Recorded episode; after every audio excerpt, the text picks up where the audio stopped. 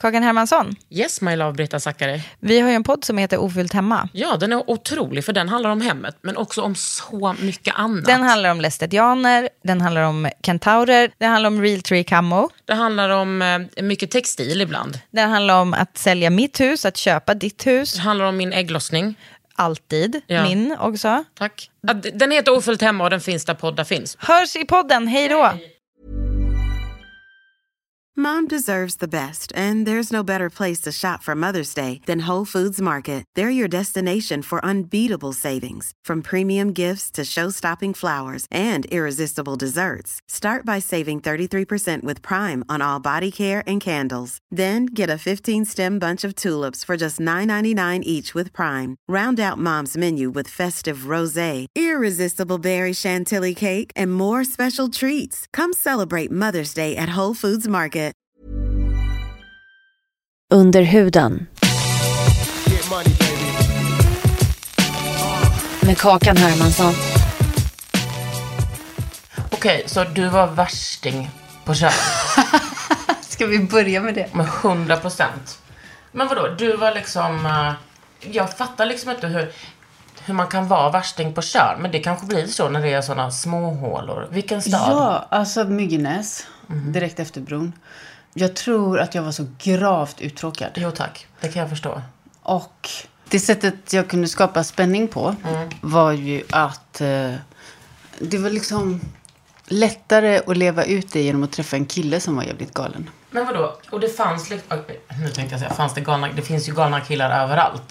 Men då träffade du också någon som var äldre säkert. Ja, flera år äldre, eh, gangster, eh, helt enkelt. Så vi pratar alltså, är det 90-tal? Ja, jag är född 72. Nej, det är 80-tal. Ja, det är 80-tal. 80-tal på Tjörn. Malin är en gangster. Malin har en gangsterkille. Men det var någon som sa till mig att den här podden handlar om hudvård. Nej, det, det slutade handla...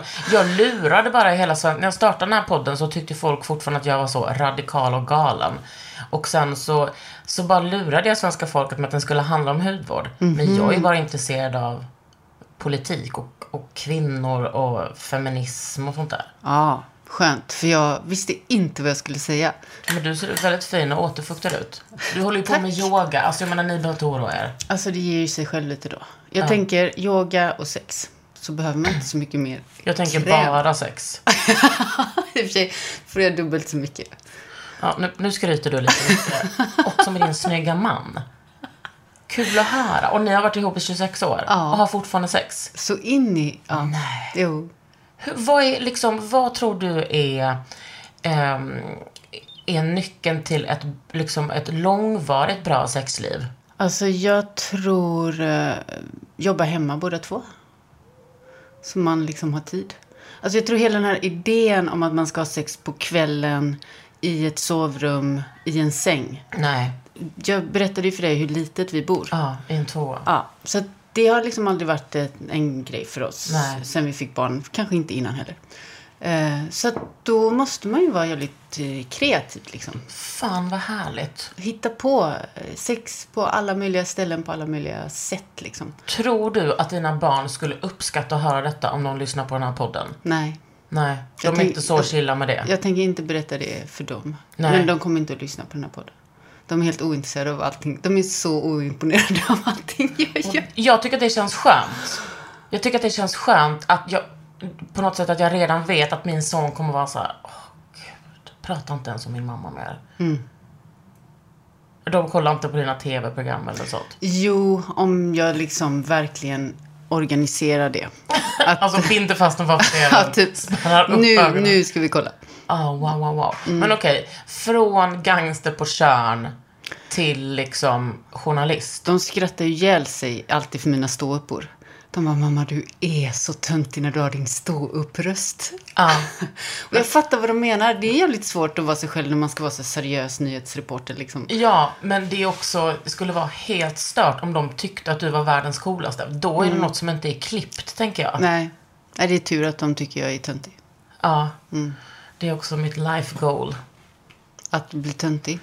Nej, att min son ska tycka att jag är töntig. Töntig kan jag inte bli. jag tror faktiskt inte det. Nej, men vi kan väl inte... Alltså jag menar också, vad är det? Vad betyder det? Men du, du blev i alla fall, du bara fuck you Sean. Det, jag, orkar, jag förstår det. Fy fan vad tråkigt. Mm.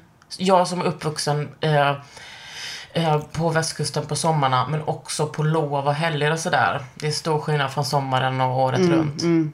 Alltså det är jävligt deppigt i november. Utanför Alme Livs liksom. Ah. Man bara hänger där. Kan någonting hända Ah. vad som helst? Men tror du att det förflyttade dig till liksom eh, alla de här länderna du började jobba i? Mm, det tror jag. Men jag tror eh, det liksom började redan att jag bodde i Pakistan när jag var liten.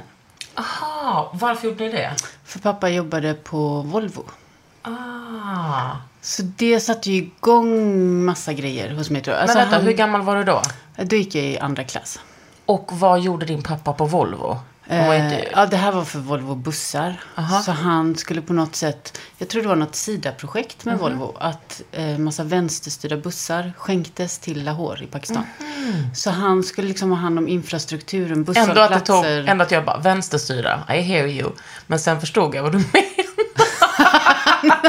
Om en du buss kan komma ut i din liksom gaybubbla och förstå. Men jag har verkligen kommit ut från min gaybubbla. Och I wish att alla gays var vänster. Men okej, de här bussarna styrdes eh, till vän, rakt in Ja, i Pakistan. precis. Ja. Och, och hur länge bodde ni där? Eh, inte ens ett år. Var han någon slags eh, eh, ingenjör? Ja, exakt. Men hur, var, varför bosatte de sig på Tjörn? Därför att, alltså båda är från Göteborg. Mm. Och sen så fick de väl någon idé att det var bra för barn att växa upp. liksom, Little did utanför they stan. know. Little, alltså, Ja. de bodde på Nordostpassagen i Göteborg. Ah. Och jag har liksom alltid tänkt, tänk om vi bara hade bott kvar där. De hade inte skilt sig, jag hade inte blivit en gangster. Det, det tror jag. Mm, men då hade du kanske också bara varit en tråkig Sveriges Radio-reporter som bara Nu ska vi prata om mjölet och mjölets återkomst i meny. och då hade du varit liksom äh, jättemissnöjd med livet och inte haft så bra sex med din man. Kanske, Kolla kanske. på det. Läser. Jag är typ som en sexolog lite ibland, om jag säger det själv. ja, ja, intressant. ja, men, eh, ja, men vet din pappa, var han ingenjör eller? Ja, ja. Och vad etablerades där i Pakistan? Tyckte du att det var en bra idé att åka dit när du var åtta år? Ja, Ah. alltså det var ju, han, min pappa reste mycket i sitt jobb överhuvudtaget. Och jag har nog identifierat mig jättemycket med honom hela min Ah. uppväxt. Att jag ville också, alltså han tog hem du vet, så här, så här stora snäckor som det hade varit en Alltså svart jättestora. snigel i. Ah. Från Angola typ. Och, sånt. och man bara, ah. Och jag bara var besatt av National Geographic. Ah. Och hans, liksom vad han berättade och så. Eh, Så när jag väl fick komma till Pakistan. Och det var ju liksom, Lahore i början på 80-talet var ju liksom anarkali. Alltså det Ja. var liksom galet. Det var bara jätter och rabiessmittade hundar och ormar och folk och liksom Men har du syskon? en lilla syster. Som också såklart fick följa med. Ja, och vi hade så olika upplevelser. Alltså jag har tre halvsyskon också, men de kom långt senare. Eh, Men hon hatade Pakistan. Hon har typ inte lämnat Göteborg sedan dess nästan. Nej, men jo, det har hon. Men hon... Står där vid bara, Varför skilde ni er? Nej, men hon, eh, hon var ju fem år yngre än mig. Och hade Ja, här- hon var en liten plutt då. Ja, och långt, lockigt, så här korkskruvshår, Mm. liksom blond. Eh, som alla liksom drog i och klappade på. Så, så hon fick något trauma. Hon hade, det var, vi kom vid Lucia, eller jul där runt. Och den där tomteluvan som hon hade på sig, den tog hon liksom väldigt sällan av sig. Ja. Jag kommer ihåg att jag hörde mina föräldrar sitta i köket och, och liksom prata om hur gör vi med Hanna och tomteluvan. Mm. För att det var ju 50 grader varmt, typ svetten bara rann i hennes lilla ansikte. Och hon bara så här klängde Ja, sig hennes- fast vid tomteluvan. Ja. Oh, såna, här, såna där objekt har min pappa föreläst mycket om. Mhm. Religionspsykolog, du vet. Mm, Ja. Ja, ja, ja. Men vad gick du i för skola då? Alltså det var en amerikansk. Eh, som, Hello. Ja, I'm Malin. Amelin. Jag kommer ihåg, eh, det var alla hjärtans dag där efter ett tag. Eh, och eh, alltså det började med den första dagen att det var så här eh, friidrottstävlingar. Ja. Och jag var ju liksom lång och stark och svensk och liksom eh, spöade skiten ur alla killarna, ur allihop. Ah. Sprang om alla, liksom hoppade längst. Gjorde... Hur mycket viking kände du dig då? Eh, Jag kände mig bara jätteglad och nöjd. Ah. Ända tills jag fattade att alla killarna i min skola blev ju helt ointresserade av mig. De bara, vad är det för Mm. Du ska vara en svag? Ja, du ska vara en svag, tyst, söt tjej. Och alltså, det är också regler som, som typ gäller 2022. precis. Mm. Man ska inte spöa skiten ur dem. Nej. Men, ehm, och då var jag ju såklart kär i han som, eh, som var näst bäst efter mig. Liksom. Vi hade ett sånt hatkärleksförhållande verkligen. Och på alla hjärtans dag så stod det ju överallt så här, I love you. Och jag bara, den där tjejen som heter You. Tänk om jag kunde vara som henne. Ah. Men vem är hon? Jag måste lista ut vem hon är. Liksom. Gud, Ingen fattar ju vad jag menar. Who Nej. is you? Och de bara, Ja. Hon är ändå konstigare än vad jag trodde. Liksom. Cute but not smart. Mm. Och sen fick jag, precis innan jag skulle gå hem, så skickade han in ett hjärta i min bänk. I love Malin. Nej. Jo. N- När du var där i Pakistan, vad var det du upplevde som fick dig att känna dig hemma där? Jag tror det var egentligen samma grej som jag fortfarande går igång på varje gång jag landar i Bombay. Liksom. Hur hemma jag än känner mig i Bombay nu för tiden så är det liksom, man bara slås av den här eh, tjocka, varma, fuktiga luften, alla lukterna, alla ljuden. Det är folk överallt, att det är liksom... Det är ju jävligt osvennigt. Ja, det är allt som inte är här liksom. Och en sån total känsla av äventyr. Att vad som helst kan hända. Att nu jäklar liksom. Nu kör vi på något sätt. Kom du tillbaks till Pakistan? Nej, jag har aldrig varit tillbaka till Pakistan. Och det är ju verkligen... Och det är Amirs fel. Ja, precis. nej, efter den här hjärtekrossade historien så jag klarar inte att se... Nej. nej, men det är verkligen min dröm. Att åka tillbaka just till Lahore liksom. Ja. Till där vi bodde och, och allting. Men vad, när du utbildade till, till journalist, Mm. hade du det i sikte då? Ja, jag hade ju sikte att jag ville ut i världen. Ja. För att jag hade, när jag var liten ville jag bli liksom upptäcktsresande. En sån National Geographic, Sven Hedin, eh, romantisk idé. Mm. Ja. Liksom. Men sen fattade jag att journalist är ju perfekt sätt Ja. Mm. att få göra just det. Och vara på alla de där konstiga ställena och träffa människor och fråga dem Mm. om tusen saker. Liksom. Vad tyckte dina föräldrar om det? De har ju uppmuntrat det verkligen. Eh, Min första resa var efter en termin på Journalisthögskolan eh, till Nepal. Eh, Men då fattade inte jag att det var ju monsun i Nepal. Och det fanns ju inga andra utlänningar där den liksom, tiden på året. Så jag gav mig upp liksom, i Himalaya själv med två, eh, en guide och en bärare. En kärpa. Ja, en kärpa. Eh, som sen räddade livet på mig. För jag fick ju blindtarmsinflammation. Nej men sluta. Långt uppe i era Himalaya. Alltså. Eh, och då kan man ju tänka att mina föräldrar skulle blivit lite avskräckta. Eller att jag skulle blivit avskräckt. Men eh, det blev ändå inte så. Det blev mer som att, för att den här kärpan och en annan sjuksköterska och andra människor på vägen räddade ju livet på mig. Hur då? Liksom, allihop. Ja, men därför att när det här hände så, så låg jag högt uppe i en by liksom, och kunde inte röra mig. Eh, och fattade att det var blindtarmen. Mm. För det gjorde ju så fruktansvärt ont. Så att jag kunde inte röra mig överhuvudtaget. timing alltså. Mm, eller hur? Helt galet. Alltså det började ju redan när vi skulle gå upp. Mm. Eh, Att jag liksom började kräkas och fick ont i magen och så. Men jag bara så här, ingen jävla magsjuka ska hindra mig liksom från att komma upp till basecamp. Mm. Ja. Så jag fortsatte att gå och gå och gå. Och sen så gick det ju inte mer liksom. Och då, den här guiden, han, han bara tog två eh, andra människor. För det var ju så få utlänningar där. Så när två andra kom, då såg han sin chans. att Han bara, jag ska tjäna pengar. Ja, så han drog iväg med dem. Och jag var själv med den här 17-åriga kärpan. Som inte kunde ett ord engelska Nej. överhuvudtaget. Och han, alltså jag låg ju på nätterna där och det var bara ormar och råttor och rassel och spindlar och bara... Och hade så ont så att jag bara Du bara, det här- det var detta skrek, äventyret jag ville ha. Ja. Och när han vaknade liksom av mina skrik. Jag kommer ihåg att han kom och liksom tog hela mig med sovsäck och allt. Och liksom lyfte upp mig, la mig så här, bar in mig i sitt rum, la mig bredvid på sin liksom lilla bädd. Och bara låg och klappade så här som man gör med ett litet barn. Ah. Och, bara, "Shh, tsch, tsch, tsch, tsch, tsch, tsch." och sen bar han ju typ ner mig för det jävla berget. För att jag höll ju på och verkligen... Jag fattade ju, jag måste till ett sjukhus, men jag kunde liksom inte röra mig. Och sen kom du till ett sjukhus. Ja, alltså hela vägen ner så var det ju, alltså det var ju bara lervälling. Det var ju monsun och blodiglar överallt som bara kom från ingenstans, sög sig fast. Och när de släpper taget så läker ju inte det. De sprutar in ett medel så att det liksom koagulerar inte blodet. Så det bara rann blod överallt. Och regn och lera och han bar liksom mig och ryggsäck och allt. Alltså det var... Så när vi väl kom till det här sjukhuset då i Pokora, som är närmsta staden, då, då tyckte jag det var höjden av civilisation. Men det Ja. var ju liksom bara ett utblåst betongskelett i princip. Det fanns ju ingenting där. Eh, och den här liksom, läkaren, eller vad han kan ha varit, jag vet inte om han var utbildad läkare.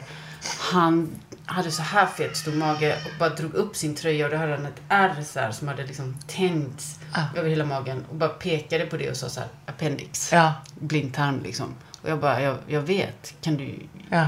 hjälp mig liksom? Och då förklarade han att vi kan inte operera dig. Vi har inte de resurserna. Och om någon skulle öppna dig nu, för min mage var ju lika stor som hans. Alltså den var som Ja, att det var så inflammerad. av inflammation. Eh, och resten av mig var ju så här smal efter typ en vecka utan Malin har inte någonting. fattat att eh, det här är en podd, så hon visar hela tiden. Så här står Snäcka. Så här smal. Jag är van vid Ja, tv. vet. Nu är det ett annat medium här, Malin. Okej, du var Skinny Marie helt enkelt. Ja. Som en höggravid Skinny Marie. Eh, så då, eh, ja, men då gav de mig morfin. Och jag låg bakom ett skynke och Sanchuk låg på golvet Men vad bredvid. tänkte de göra med det då? Nej, de visste väl inte. De hoppades väl att det skulle gå över av sig själv. För det gör det ju ofta. Eller hur?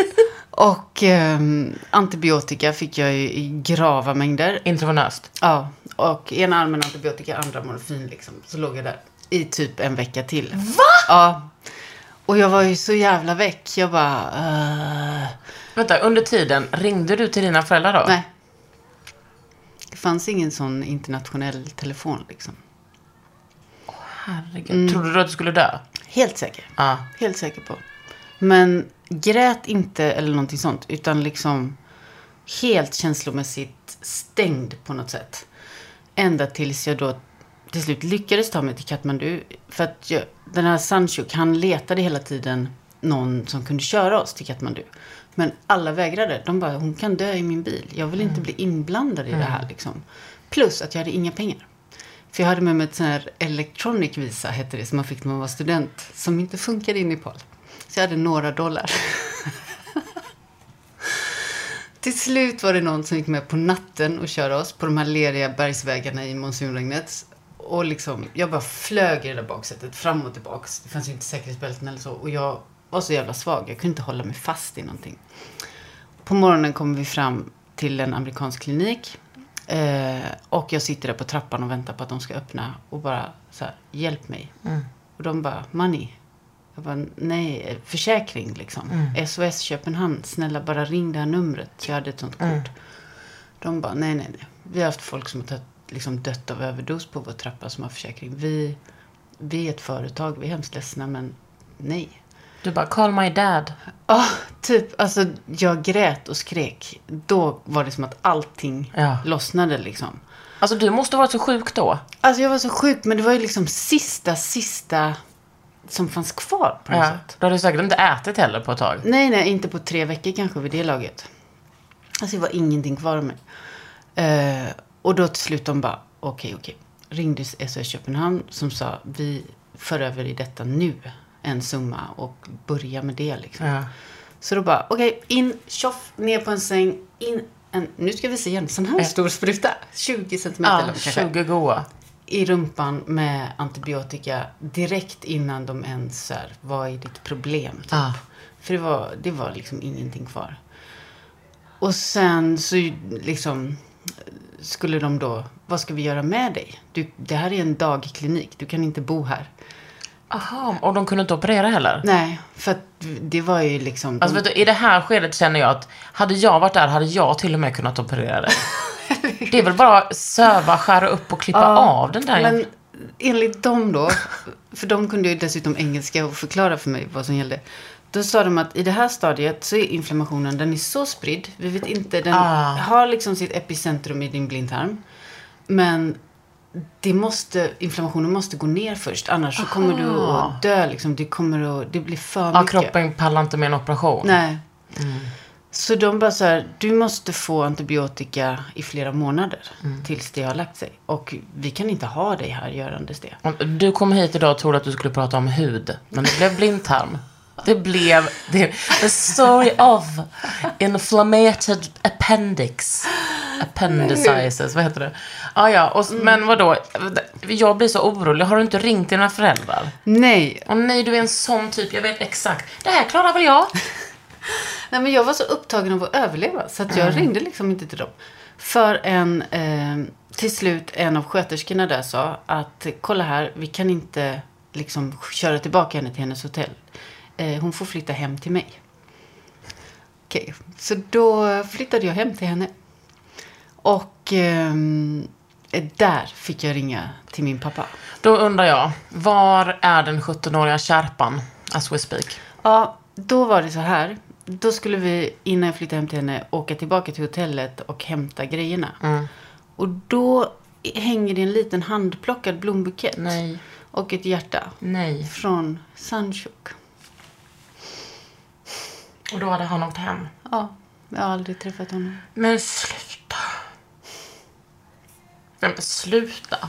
Och du har aldrig träffat honom igen? Nej, och jag kommer aldrig kunna hitta honom. Vet du vad Malin, om du anstränger dig. Ja, jag kanske borde åka tillbaks. Och För då han lär ju bo i samma by där. Ja, han lär ju komma ihåg det. Eller han bara, vänta, jag har flyttat ännu längre ut i djungeln. Han bara, du ser inte mig träffa en enda vit tjej till i hela världen som utsätter mig för den här skiten. Jag ska bli bonde. Ja.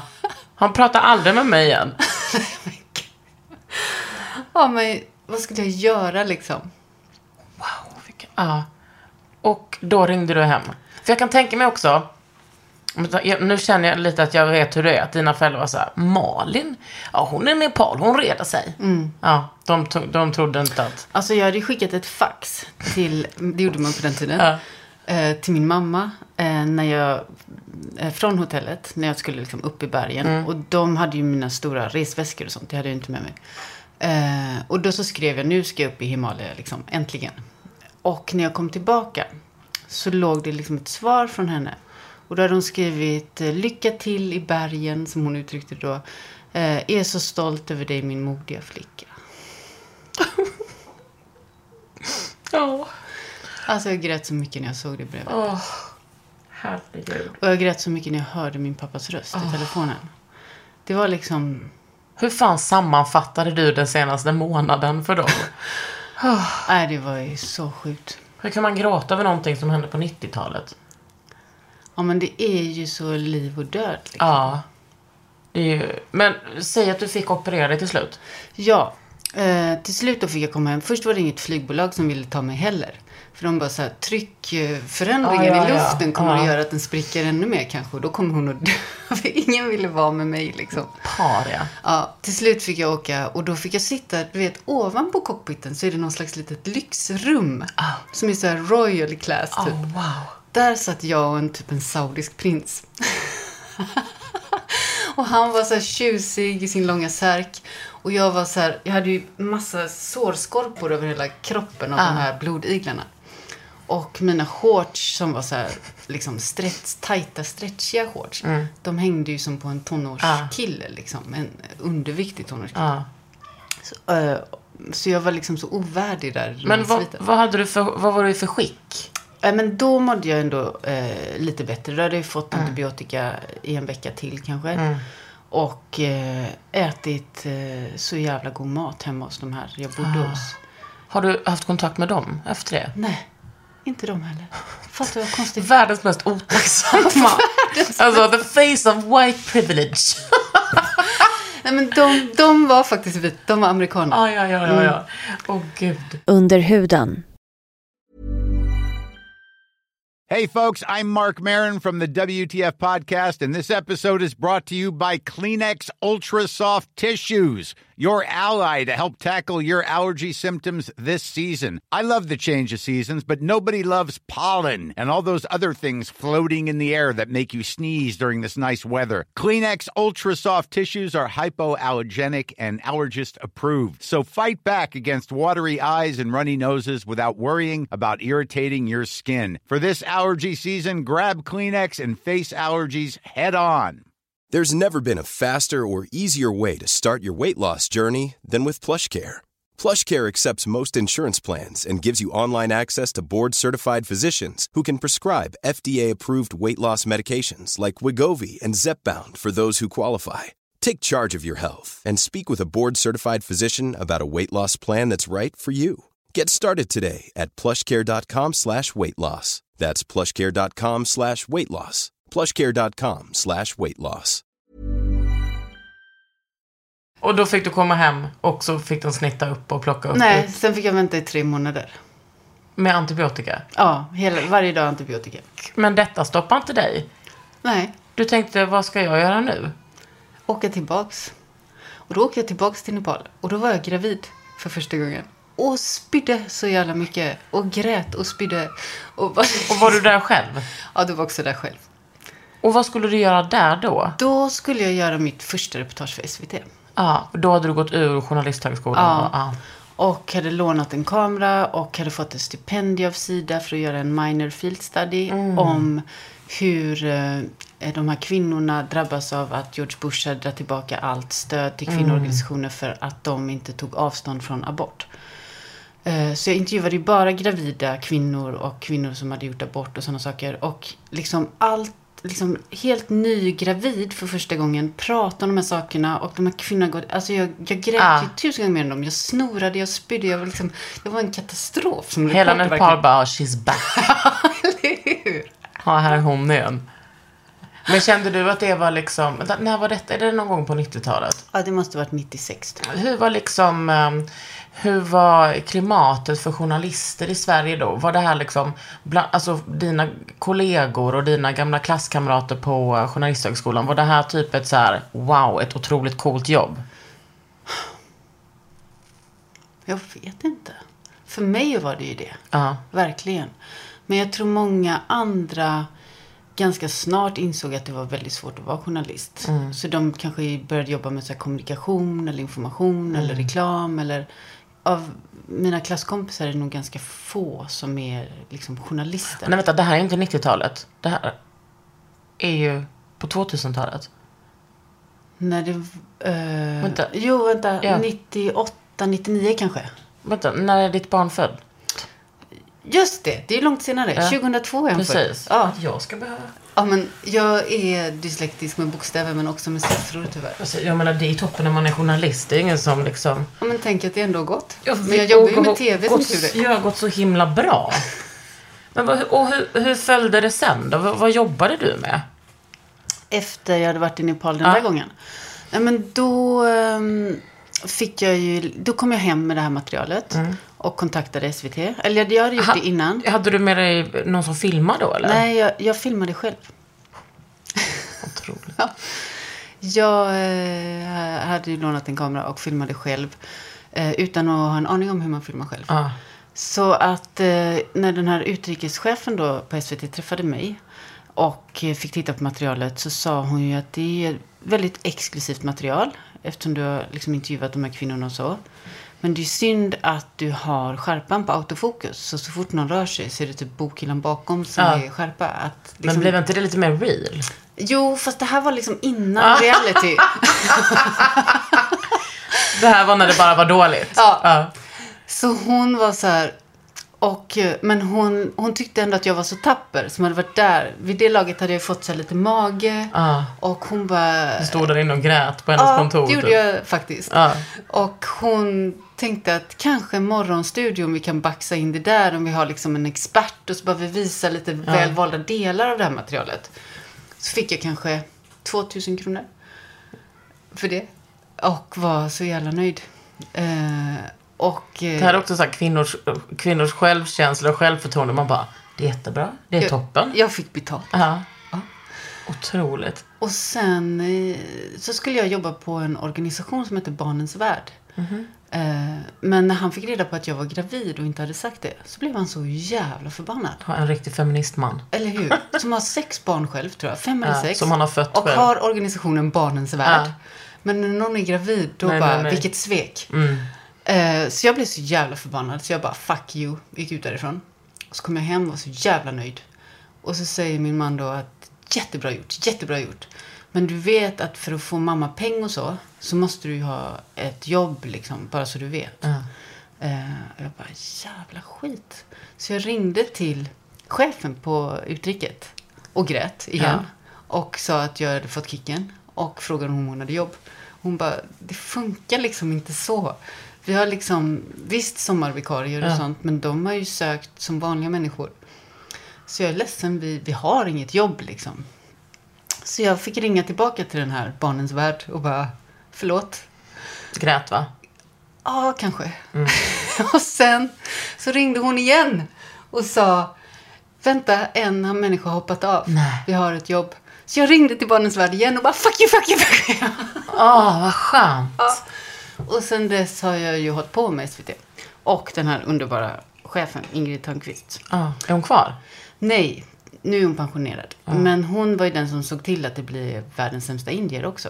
Hon liksom pushade mig så himla mycket. Kom igen nu, det är en bra grej. Kom igen. Ah, för att det får- var, var det Karin af Klintbergs eh, nej, idé? Nej, det var David och min idé. Men det tog Aha. sju år innan vi fick igenom det. Så det var många gånger man behövde liksom ta ett Ja, nytt grepp. SVT är ju också Sveriges liksom segaste maskineri. Ja, det måste ju ändå vara så. Alltså det är ju...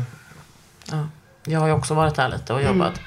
Men grattis. Alltså jag har ju jobbat med både David och Karin. Men väldigt mycket med Karin. Ja, men det var ju Karin som sa till mig att du måste förbereda dig på tre hudvårdscitat eh, som du ska säga. För jag träffade henne igår.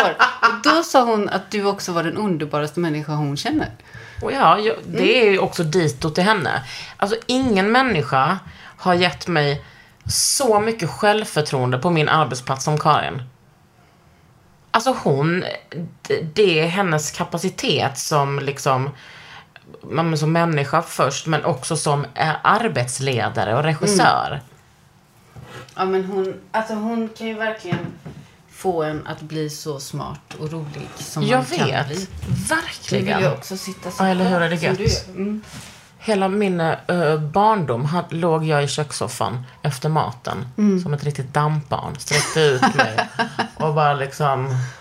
eh, ja, tog igen mig. Som ett dampbarn. Jag är ett dampbarn. Men det känns som att du har uh, återerövrat det ordet på ett coolt sätt. Du, jag vet inte. Jag, jag ska typ börja med medicin på måndag. Och då ska vi se hur det går. Jag är ändå 41 och har haft min diagnos sedan jag var 29. Och har ju haft det här hela livet. Men vi, vi får helt enkelt se. Men vad är problemet? Alltså i mina ögon, jag känner ju inte dig. Nej. Men det jag har träffat dig hittills så är du ju helt grym. Jag vet, men inne i min hjärna och inne i min lägenhet och inne i min, mina aktiebolag. Ser det ut i din hjärna som det gör i din lägenhet? Nej. Men det är väldigt mycket saker. Det är parallella diskussioner och soundtrack som sjungs. Och Jag måste typ reda ut det där lite. Men det är också spännande med, för jag har ju också en väldigt hög kapacitet och kan göra mycket och mycket olika saker. Men jag, och det är, det är också intressant vad som är vad liksom. Jag har också föräldrar som har peppat mig till att jag kan göra vad som helst. Eh, kanske förutom eh, liggande stolen. Jag är väldigt dålig på matte. Men liksom Ah. allt annat. Jag trodde det var någon yogaställning. Jag bara, vilken idé Du, lämna nu din yogabubbla. Malin Mendel. Hallå, varför heter inte du Mendel Enk? Nej, därför att Man igen, egentligen heter jag Mendel Westberg. Mm. Så då blev det lite krångligt med tre. Men hur bestämmer man att man tar Mendel men inte Enk? Därför att min man har ju två efternamn. Ja. Så då bara valde det. Om man gör bara så. Ja. Men vad är det som är så kul med Indien? Ja, men det är en bra fråga. Eh, alla tycker ju inte det är så kul med Indien. Nej. David Batra tyckte ju inte det i början till exempel. Nej, men han är ju också från fina Lund. Ja, det är sant. Alltså jag är från fula Lund. Aha, Mm. okej. Eh, ja, hans pappa är ju professor så jag antar att han... Ja, Alltså min pappa varit prefekt så jag ska inte, men ja. Nej men alltså det som jag tycker är kul med Indien är ju det som jag tyckte var kul med Pakistan. Att det är så kaosigt att jag känner att jag blir liksom en härligare person i Indien för att jag let go av så mycket grejer. För att det är ingen idé att ens försöka. Nej. Att planera eller ha kontroll eller liksom det, det liksom garvas mycket mer åt Ja. absurditeter. Ja. För att det är bara där hela tiden. Och så är det rörigt. ja, och inte så rent. Nej, gud. Känns det som att det skulle vara någonting för mig. Ja, Ja. man själv blir nästan lugnare i det här kaoset, tycker jag. Ja. Men för jag har hela tiden tänkt så här, fy fan att vara eh, kvinna i, eh, i Indien. Och också Mm. mina kompisar som har varit där på liksom lesbiska upptäcks, uppfär, upptäck, ja du fattar. Eh, säger ju liksom att det är helvetet på jorden. Mm. Och det kan ju inte du såklart svara för. Men hur, hur fan är det att vara liksom en blond kvinna där? Ja, men för mig är det ju inga problem eftersom dels så beter jag mig i deras ögon så okvinnligt ofta tror jag. Att jag kommer med så stativ och kamera Mm. och liksom teknik och manliga saker och styr och ställer och du ska stå där och du ska säga det. Mm. Det var och som när du du började här i köket direkt. Gjorde jag det? Du har möblerat om mitt kök sen du kom hit. Är det okej om jag eh, fixar lite? Jag tror inte ens fråga om det var okej. Nej, men det är så som jag gör, så jag känner mig väldigt hemma Okej, i det. ja bra. Nej men så att jag eh, blir nog inte sedd riktigt som en kvinna på det Nej. sättet. Eh, Men sen att jag är blond och så väcker ju uppmärksamhet. Ja, Ehm, Men jag är så van vid det ja. på något sätt. Jag tänker inte så mycket på det. In, inte i kvarteret där jag bor i Bombay. Där Har ni liksom- en lägenhet där? Mm. Fan vad härligt. Ja. Alltså Är den, den större eller mindre än den här? den är mindre. Så att vi tycker att våran tvåa på Södermalm är jättestor Ja. när vi har bott i Indien. Ja. Allting är ju relativt. De vi känner i Indien, de bor ju hur många som helst i ett rum. Mm. Det är liksom bara vad man är van vid. Men hur mycket har ni bott där? Ungefär 40 procent. Ja, så barnen har gått i skola där Mm. och... Exakt. Men då pratar ni engelska? Ja. Har du en sån accent? ja. Jag blir ju så retad för det av David hela tiden. Wow. Mm. Och mina barn skäms ju så mycket. För att de har ju gått på engelska skolor då i Stockholm också. Eh, och när det är så här utvecklingssamtal och sånt så vädjar de ju till mig. Mamma, snälla kan du prata normal engelska? Inte hört. Wow. Jag kan ju inte prata normal. Jag har ju lärt mig prata engelska i Indien. Ja. Wow, det är fantastiskt. Men då blev du också kär i liksom indisk eh, matlagning?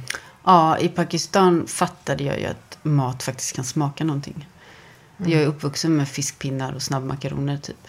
Och Skogaholmslimpa. Alltså alla mina kompisar hade ju så här mammor som bakade och lagade från grunden och så här körnmammor. Ja.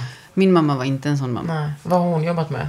Hon har varit informatör, eh, media, ja, sån person. Fanns det någonting att informera om på Tjörn? Nej men hon var ju i, alltså Stenungsund som ligger Ja. bredvid Tjörn. Ja. Är ju typ Sveriges petrokemiska centrum. Ja. Så hon var så vd-sekreterare slash informatör. Wow. Så hon var ju alltid den, när det typ snöade svart. Ja. Då var hon den som fick stå och förklara att det här var ingen fara typ. Just det, jag kollade på ett hus i, i Lysekil. Som jag ville köpa ett litet hus. Och så var det så jävla billigt. Jag bara, det är något lurt här. Och det är väl för att de ska... Ja, nu ska de ju inte bygga ut. De kanske ska ge motorväg eller något. Ja, men jag tänker på Prem och... Ja. Vad heter det? Ja. ja. Ja men du kanske ska slå till nu då. Nej, nej, jag har ju köpt ett annat hus. Herregud. Hur många aktiebolag har du? Eh, jag har två. Och hur många hus? Ett. Ja. Nej, men alltså jag köpte ett fritidshus i Sörmland. Men vi pratade ju lite innan vi satte på micken. Ehm, och jag pratade lite om min och Brittas nya podd, det här med hemmet och hur man ska vara som kvinna i hemmet för att bli accepterad. Det finns några tydliga normer. Hur, ehm, eh, om du tänker på det i Indien, vad, vad, är, vad finns det för skillnader med Sverige och Indien? Alltså där är det ju eh, inte en grej överhuvudtaget. Hur det Nej. ser ut. Man har Hemma. inte tid med det eller?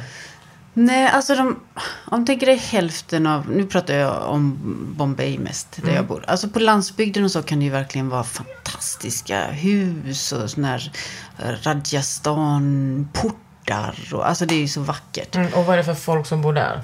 Ja, men det är ju storbönder liksom. Feod, det är ju väldigt feodalt på det sättet. Men om man tänker i städerna, som i Bombay till exempel, bor ungefär hälften av människorna i det, vad vi anser vara slum. Liksom. Så att då är det ju små skjul och eh, massa människor i varje skjul. Eh, men trots det så är det ju liksom ofta värdigt och fint. Ganska rent, eh, pastellfärger. Så du har så här rosa här och så. Jag älskar sådana pastellfärger. Ja. Och där är det ju turkost, rosa, Ja, det mintgrönt. känns ju väldigt indiskt. Ja, alltså det är så fint. Har de en religiös äh, ähm, vad heter det, bakgrund? Alltså just färgerna? Färgerna.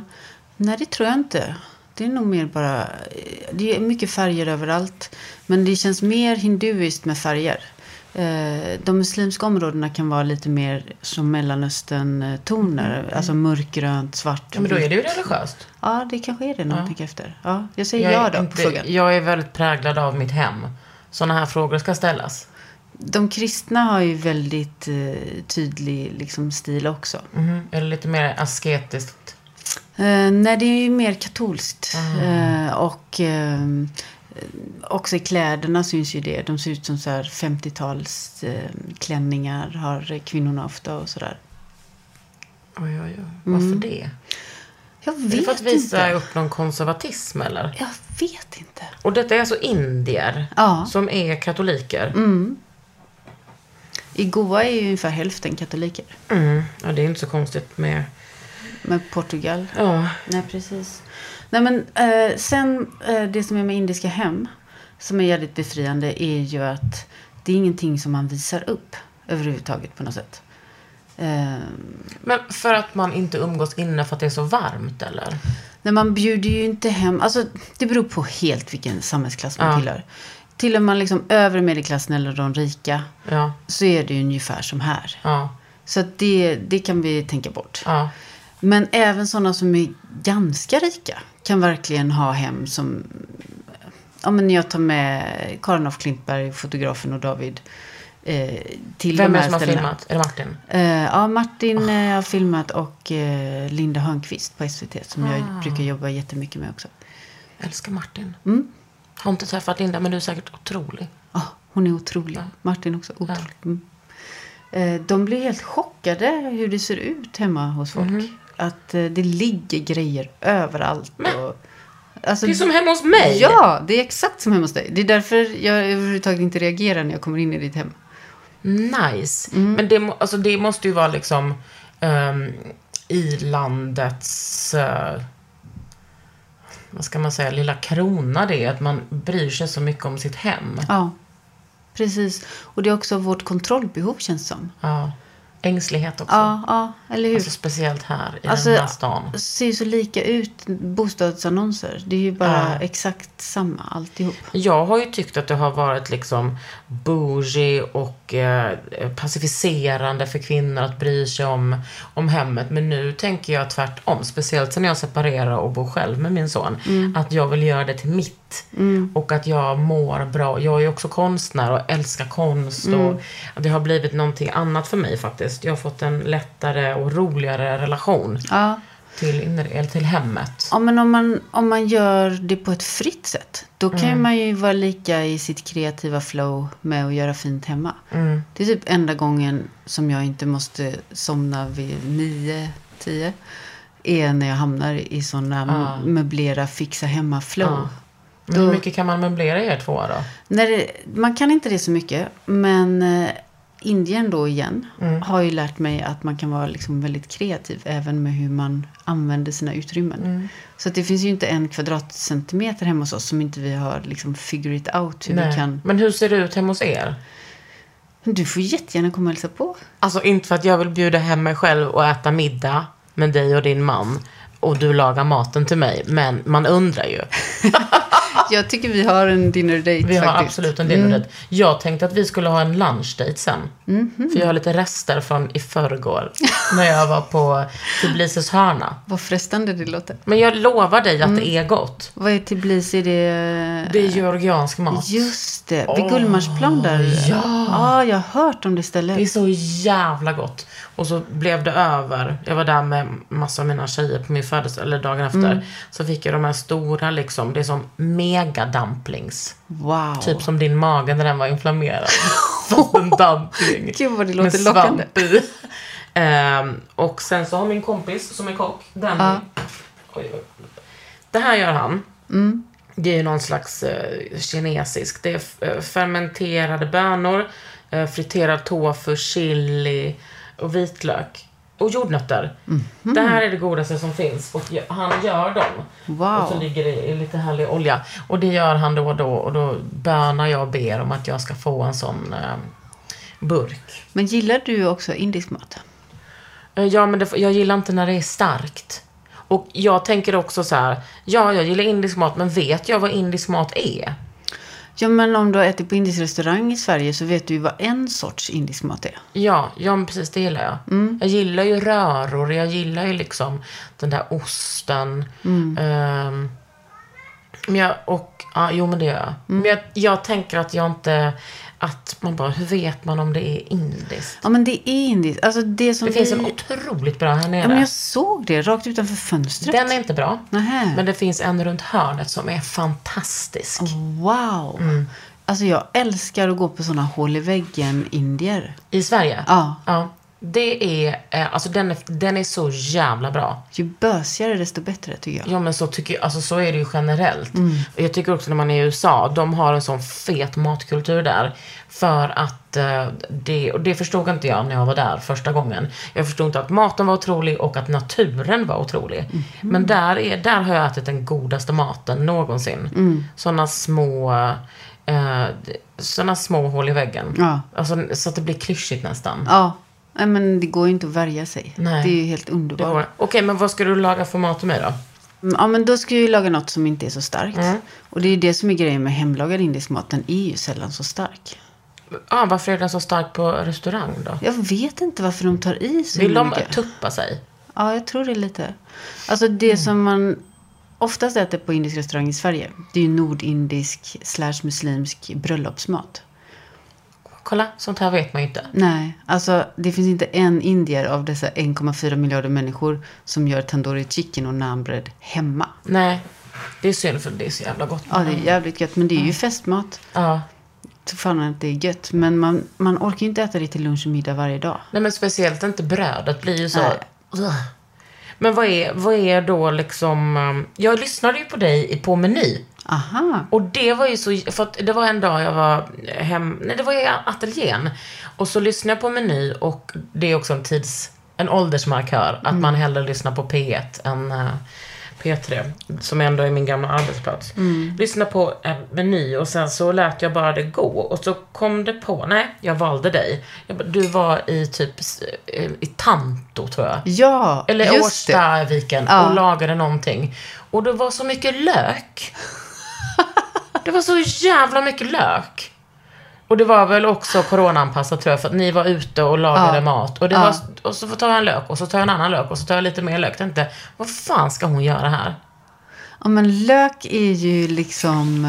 eh, Om du tänker en indisk gryta. Ja, Alltså vad består den såsen av? ja det är lök. Ja, det är ju Och den är helt så lök. sönderkokt. Ja, och först ska den ju stekas. Den Ja. ska stekas och stekas och stekas så orimligt länge. Ja, Ja, för att den, ska- för att den ska bli knaprig.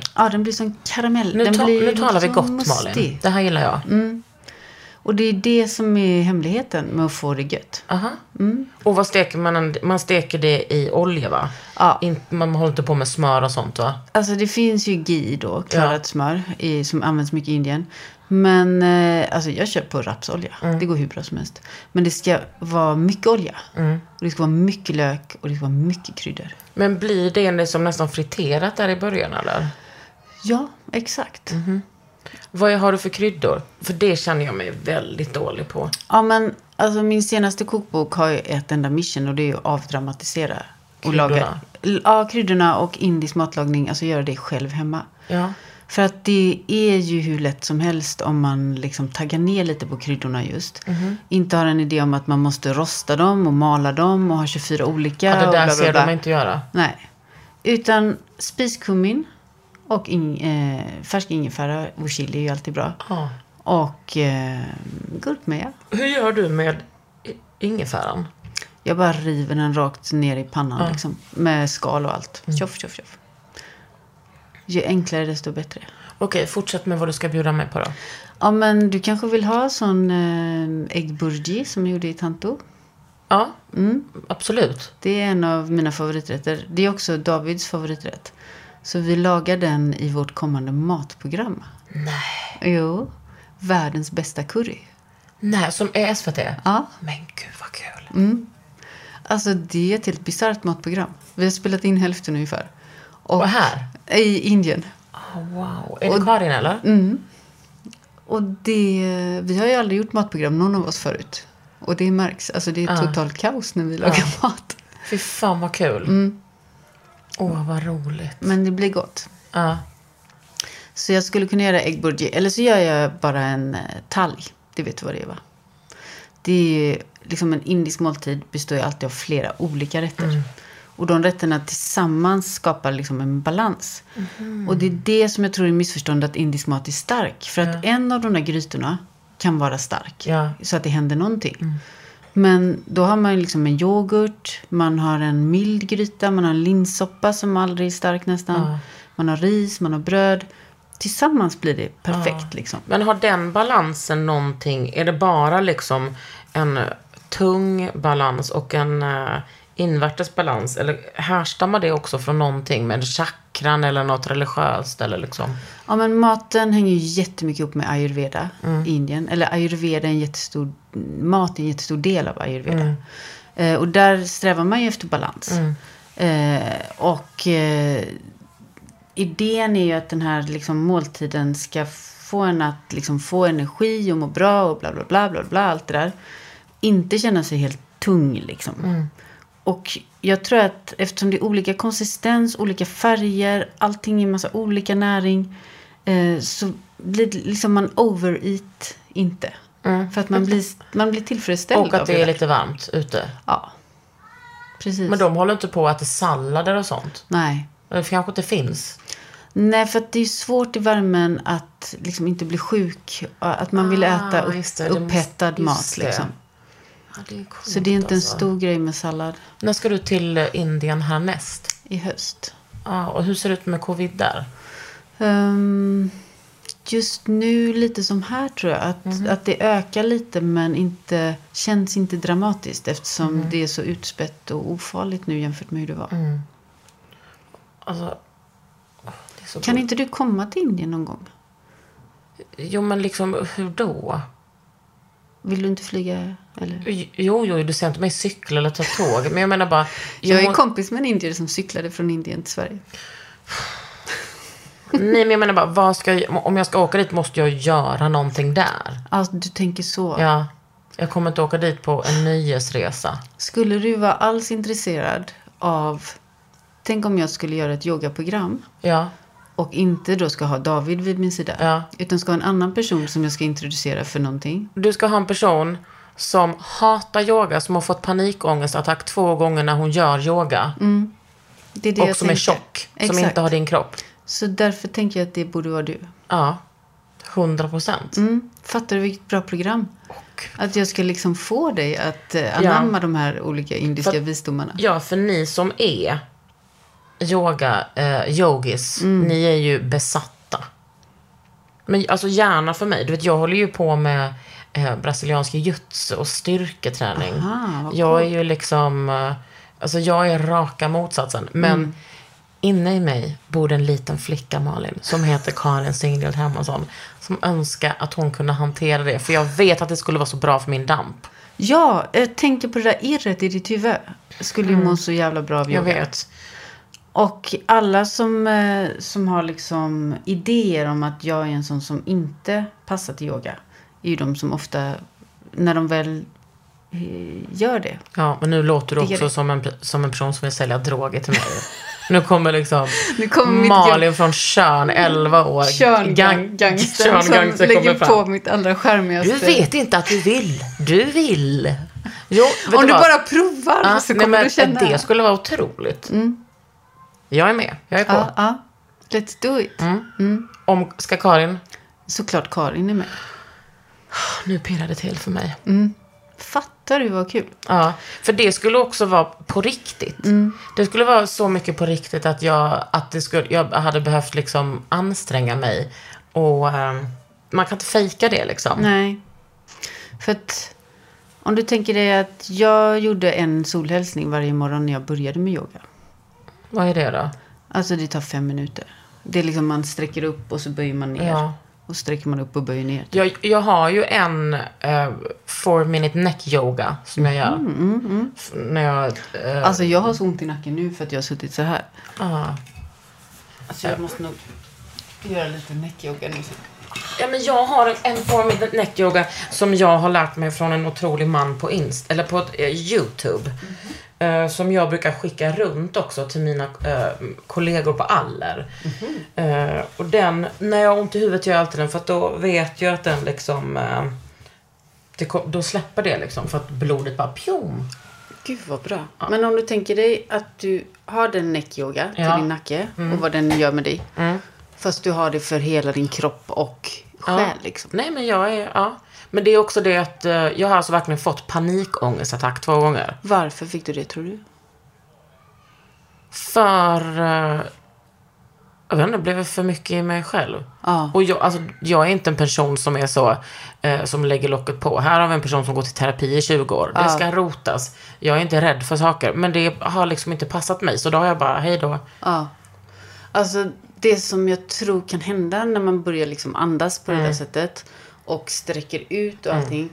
Att på något sätt så kan man ju ha känslor som sitter liksom. På något sätt. Mm. Ja, ja, ja. Och det där är jag... Och då kommer det ju Ja. upp. Precis, och jag menar det kommer ju upp när jag eh, brottas också. Men, eh, eh, och jag tycker att, jag tänker att det är ganska likt för att eh, BJJ är så himla mycket huvud. Det är ju liksom schack med kropp och huvud. Men, och jag tänker att yoga är likadant. Och min, alltså min tränare, eh, Louise Sondlojsan, hon yogar också. Eh, men hon eh, har ju svart bälte och är liksom en... Wow. Ja, jo, tack. Hon är wow. Ehm, men eh, Men absolut. fan vad kul. Då har vi ett projekt nu som vi kan hålla på med. Men är du allvarlig? Ja. Alltså alltid när jag träffar någon som jag omedelbart tycker om. Då försöker jag hitta på något Ja. jag kan göra med den personen. Ska vi ringa Karin och fråga? Hela mitt liv. Hej! Vi har kommit på ett program vi ska göra med dig. Fan vad kul. Ja. Ja, och det är att Malin ska göra mig till en yogatjej. Och jag hatar yoga, Karin, så att jag vet inte hur det ska gå till, men hon säljer in det som knark till mig.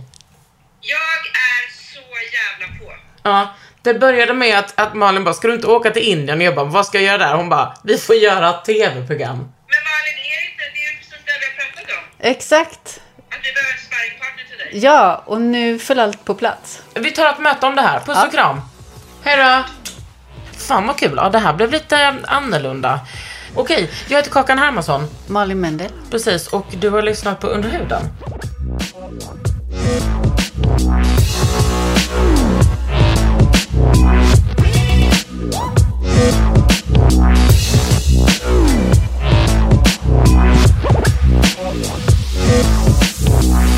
En podd från Allermedia. Hey, it's Danny Pellegrino from Everything Iconic. Ready to upgrade your style game without blowing your budget? Check out Quince. They've got all the good stuff shirts and polos, activewear, and fine leather goods, all at 50 to 80% less than other high end brands. And the best part? They're all about safe, ethical, and responsible manufacturing. Get that luxury vibe without the luxury price tag. Hit up quince.com slash upgrade for free shipping and 365 day returns on your next order. That's quince.com slash upgrade. Planning for your next trip? Elevate your travel style with Quince. Quince has all the jet setting essentials you'll want for your next getaway, like European linen, premium luggage options, buttery soft Italian leather bags, and so much more. And is all priced at 50 to 80% less than similar brands. Plus, Quince only works with factories that use safe and ethical manufacturing practices.